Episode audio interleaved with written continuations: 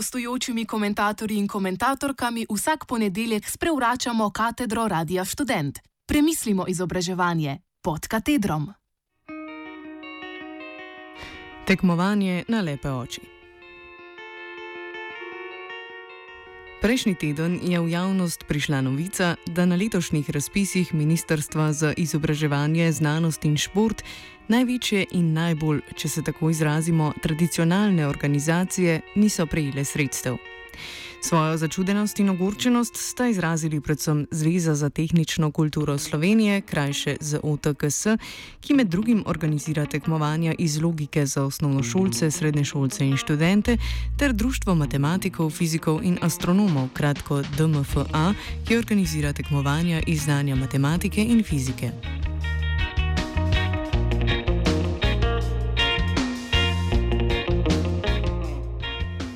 Sam način zavrnitve je po mnenju z OTKS in DMFA sporen. V pismu ministrici, ki je javno dostopno na spletu, dotični organizaciji navajata, citiramo, da je komisija sestavljena v nasprotju s pravili, da ni zapisnika pritožbene komisije, da ni nobenega sklepa o višini dodeljenih sredstev za posamezno tekmovanje, da je komisija različno obravnavala različne prosilce, da je nekatere pozvala k dopolnitvam vlog, drugih pa ne, da je nekaterim priznavala plačevala določene stroške, medtem ko jih drugim ta istih ni, in tako dalje. Poleg pisma organizacij ZUTKS in DMFA v prilogah naštete trditve tudi podkrepite s podatki, a ker je dokument obsežen, ga ne bomo navajali. Bomo pa na spletni strani delili povezavo do dokumenta. Poleg ogorčenja nad pomankanjem sredstev se je v javnosti sprožila tudi debata o Cojzovih štipendijah. Slednje, pomnimo, kot pogoj zahtevajo izjemen dosežek, kar pomeni v večini primerov nagrado z kakšnega tekmovanja znanja. Tudi pozor, ne šteje kar vsako tekmovanje znanja, ministrstvo namreč zahteva, da je bilo vsaj enkrat v zadnjih treh letih tekmovanje sofinancirano iz javnih sredstev. Zaenkrat pri ZUTKS in DMFA problema z izpolnjevanjem tega pogoja še nimajo, če pa se letošnja situacija začne ponavljati, lahko tekmovanja v njuni organizaciji izgubijo veljavnost pri Cojzevih štipendijah.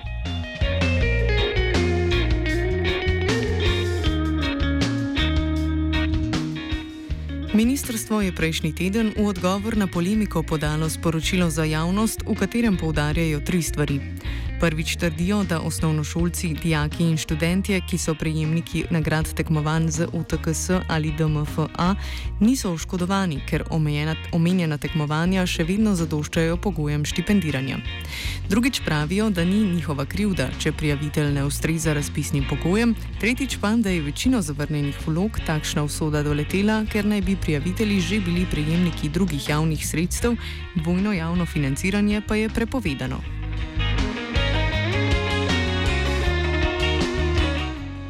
V povezavi z zadnjima dvema trditvama, torej da ni krivo ministrstvo in da vloge niso bile ustrezajoče, nas preseneča, da so na spletni strani z OTKS zapisali, da je bila njihova prijava praktično enaka kot prejšnja leta, pa tudi pogoji se, vsaj uradno, navaja organizacija, niso drastično spreminjali. Ker pa nimamo podrobnejšega pogleda v dejansko razpisno dokumentacijo, bomo ustvarjanje mnenja na tej točki pustili poslušalstvu in se raje lotili dveh dolgoročnih premislekov o tekmovanjih in štipendijah.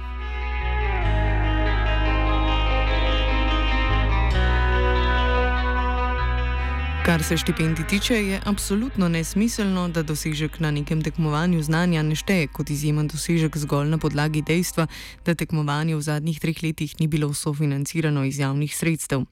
Seveda je jasno, da ne more šteti prav vsako tekmovanje, vendar pravi kriterij nikoli ne bi smela biti finančna konstrukcija tekmovanja, pač pa kvaliteta izvedbe in težavnost tekmovanja.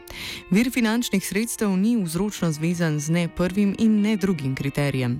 Rečeno drugače, tekmovanje, ki je 100-odstotno financirano iz javnih sredstev, je lahko kljub temu podpovprečno ali neprimerno. Tekmovanje, ki dobi denar od drugot, pa najboljše in najzahtevnejše. Primer tekmovanj, ki se za Cojzovo štipendijo ne upoštevajo, sta državno tekmovanje v pisanju filozofskega eseja in mednarodna filozofska olimpijada. Obe tekmovanji sta izvedeni redno in kvalitetno z zadostnim številom tekmojočih dijakov, ki se na obe tekmovanju vrstijo prek predhodnega tekmovanja. Po zdravem razumu ni razloga, da dosežek na enem izmed njiju ne bi štel za štipendijo, vendar ne ustrezata pogojem za Cojzovo štipendijo.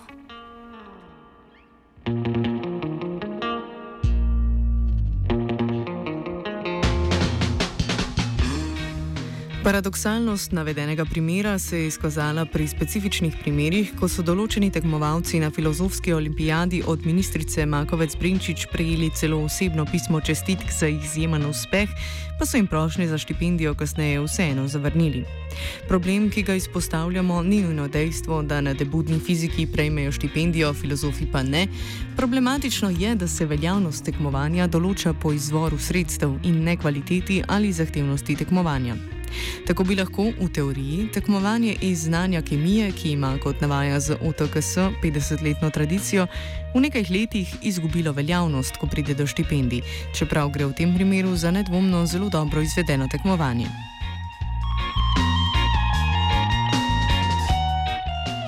Še bolj problematičen od štipendiranja ali neštipendiranja je odnos ministrstva do določenih tekmovanj, ki so sredstvi zelo slabo podprta, vendar kljub temu obstajajo in obstanejo. Ponavadi zaradi izredne predanosti ljudi, ki jih ustvarjajo in pogosto naredijo ogromno za zelo majhno plačilo, ali pa sploh niso plačani in za organizacijo tekmovanj porabljajo svoj prosti čas.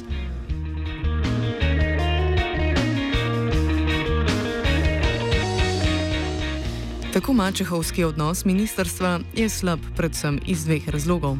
Na eni strani gre v takih primerjih za izkoriščanje dobre volje in požrtvovalnosti ljudi, ki so dejansko pripravljeni organizirati tekmovanja, kar je na koncu opravljanje dela, ki bi ga načeloma tako ali tako moralo prevzimati ministrstvo.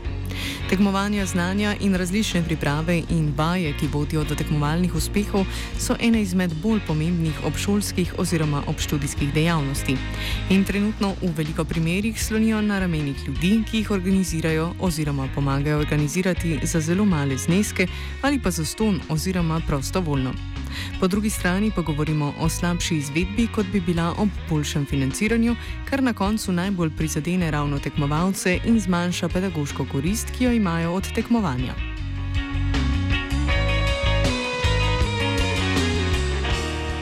Če potegnemo črto, je jasno, da je dogajanje prejšnjega tedna le še en simptom slabega upravljanja in ravnanja ministrstva glede tekmovanj znanja, ki so finančno v veliko primerjih podhranjena. Po drugi strani pa zaradi nenavadnih razlogov tekmovalci za svoje težko prislužene uspehe veliko krat niso nagrajeni. Verjetno bi bilo treba celotno polje tekmovanj znanja urediti na novo, na bolj sorazmeren, sploh pa na bolj transparenten način. Nažalost, o kakšni veliki spremembi že tako ne bi upali sanjati, možnosti pa so dodatno zmanjšane zaradi bližajočih se volitev. Očitno bodo tekmovalci morali počakati na novo vlado in se pustiti presenetiti glede prihodnosti takšnih tekmovanj. Pod katedrom kritizira Matija.